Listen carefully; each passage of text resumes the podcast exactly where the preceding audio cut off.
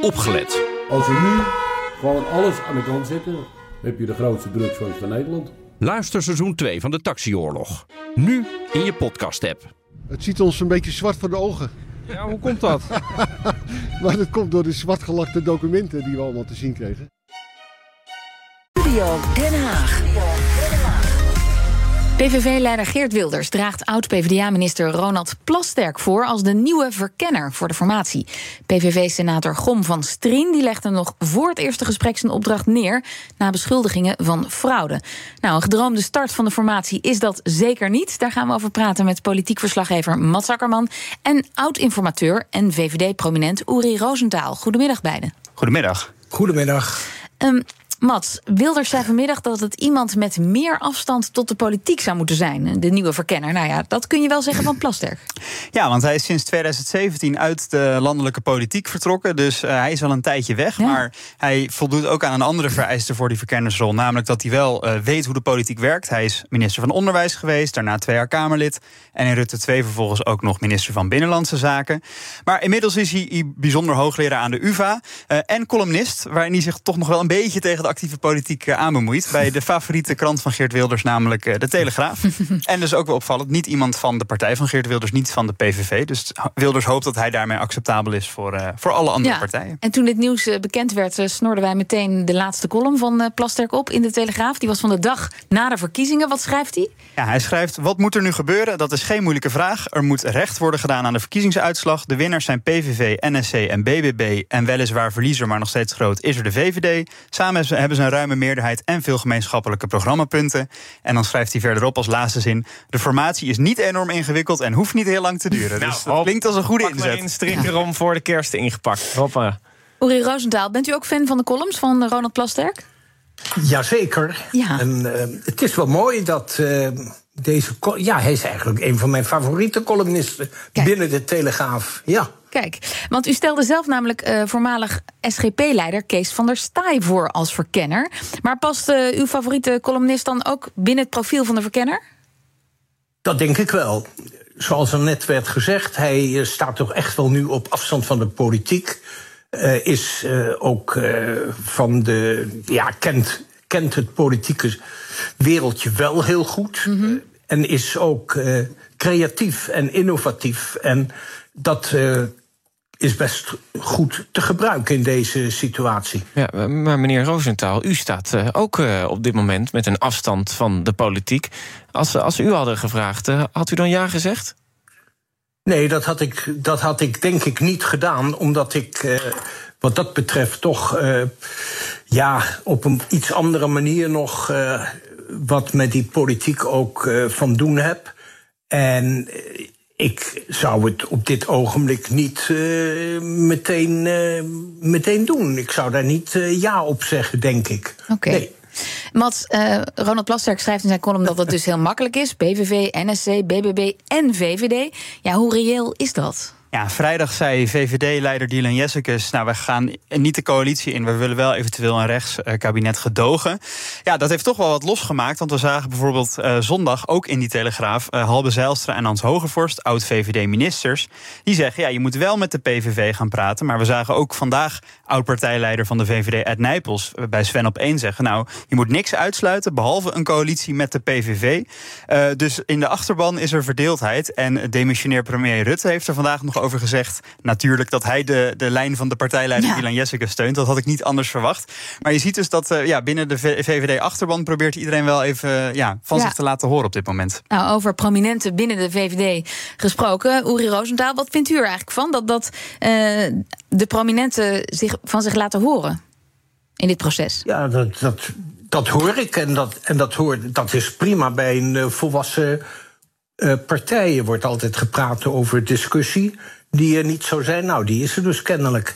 He, maar waar ik uh, vooral nu even naar kijk, is uh, toch een beetje daarbovenover de gang van zaken rond deze formatie. Mm -hmm. En dan moet ik zeggen dat ik de, ja, de, de allereerste start van die formatie niet erg gelukkig vind met, met die aanwijzing in eerste instantie van, een, uh, ja. van meneer Van Strien. Dat is natuurlijk nu alweer historie, maar het geeft toch wel te denken. En waar ik vooral een beetje zorgen over had en toch eigenlijk nog wel heb, is dat die formatie pas in een aantal jaren nu echt in handen van de Tweede Kamer is.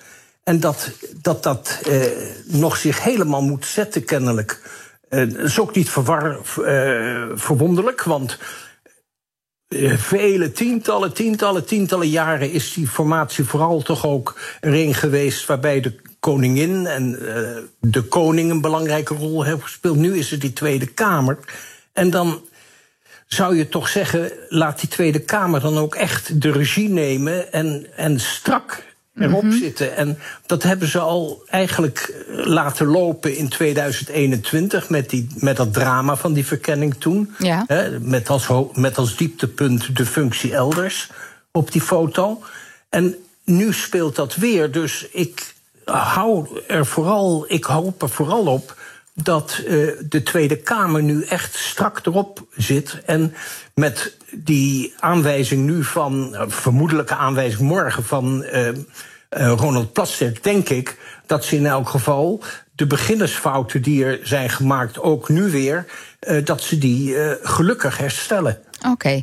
En, en Matt, zo'n valse start voor de formatie, wat zegt Wilders daar zelf over? Ja, nou, net als meneer Roosentaal is ook Geert Wilders zelf niet zo blij met deze valse start. Hè. Hij zei vanochtend, uh, dit is niet waar je op hoopt. Je hoopt dat het meteen goed gaat.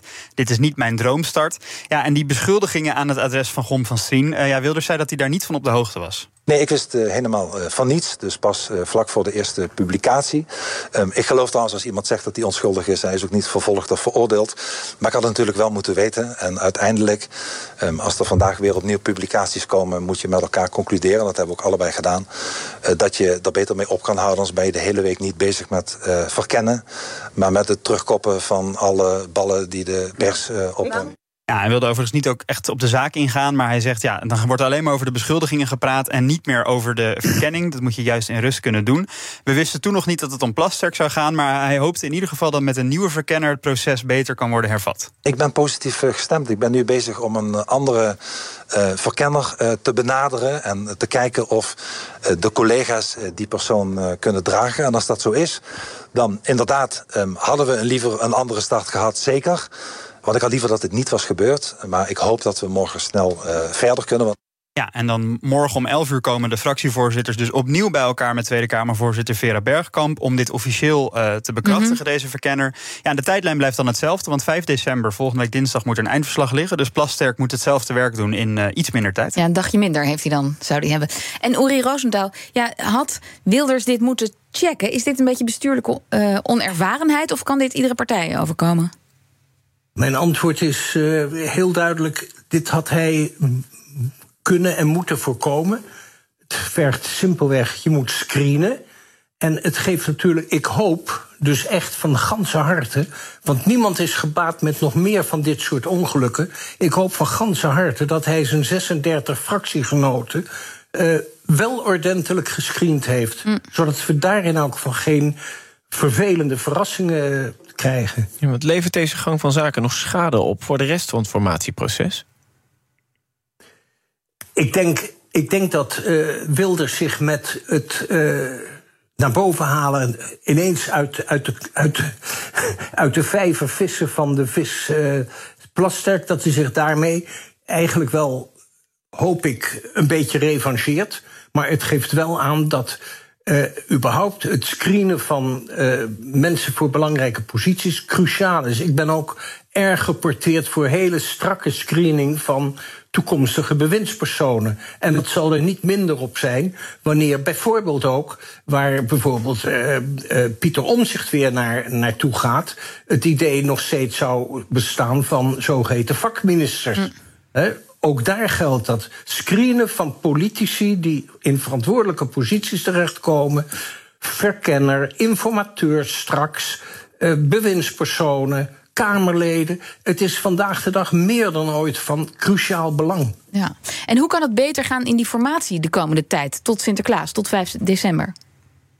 Nou, een, een van de punten die uh, door een evaluatiecommissie in 2001, na aanleiding van 2021 naar voren zijn gebracht, is bijvoorbeeld strakke termijnen hm. voor de formatie. Dus dat is nu uh, vastgelegd voor de verkenning. Uh, eh, 6 december verslag en dan aanwijzing van één of meer informateurs met ook meteen een specifieke opdracht. En dan vervolgens zou ik ook zeggen, zet dan ook die informateurs op termijnen. Dat wil zeggen dat ze uh, op zijn minst in het telkens binnen een aantal weken verslag uitbrengen aan de Kamer, die dan ook een oordeel kan vellen over de vraag of die informateur door kan of dat hij beter het uh, het stokje aan een ander kan overgeven. Ja, meer regie van de Kamer dus. Mats, gaat het nog meespelen eigenlijk dat Ronald Plasterk een PvdA is? Nou ja, in zijn columns neemt hij wel vaak duidelijk afstand van de P van de A. Uh, dus dat maakt hem wel een soort van onafhankelijk. Hij was ook niet zo'n fan van die samenwerking met GroenLinks. Ja, en nog wel een opvallende uitspraak die hij heeft gedaan uh, een aantal jaar geleden over Frans Timmermans. Toen zaten ze samen in de Tweede Kamer. En toen kreeg Frans Timmermans niet de portefeuille die hij wilde, buitenland. En toen heeft hij heeft gezegd over Frans Timmermans, toen heeft hij een half jaar gewoon helemaal niks gedaan. Nou, Frans Timmermans heeft dat tijdens deze campagne nog uh, ontkracht. Oh. Uh, maar die mogen dus ook gezellig met elkaar op de koffie. Dus met in ieder geval nog één ding samen te bespreken. Dank voor nu.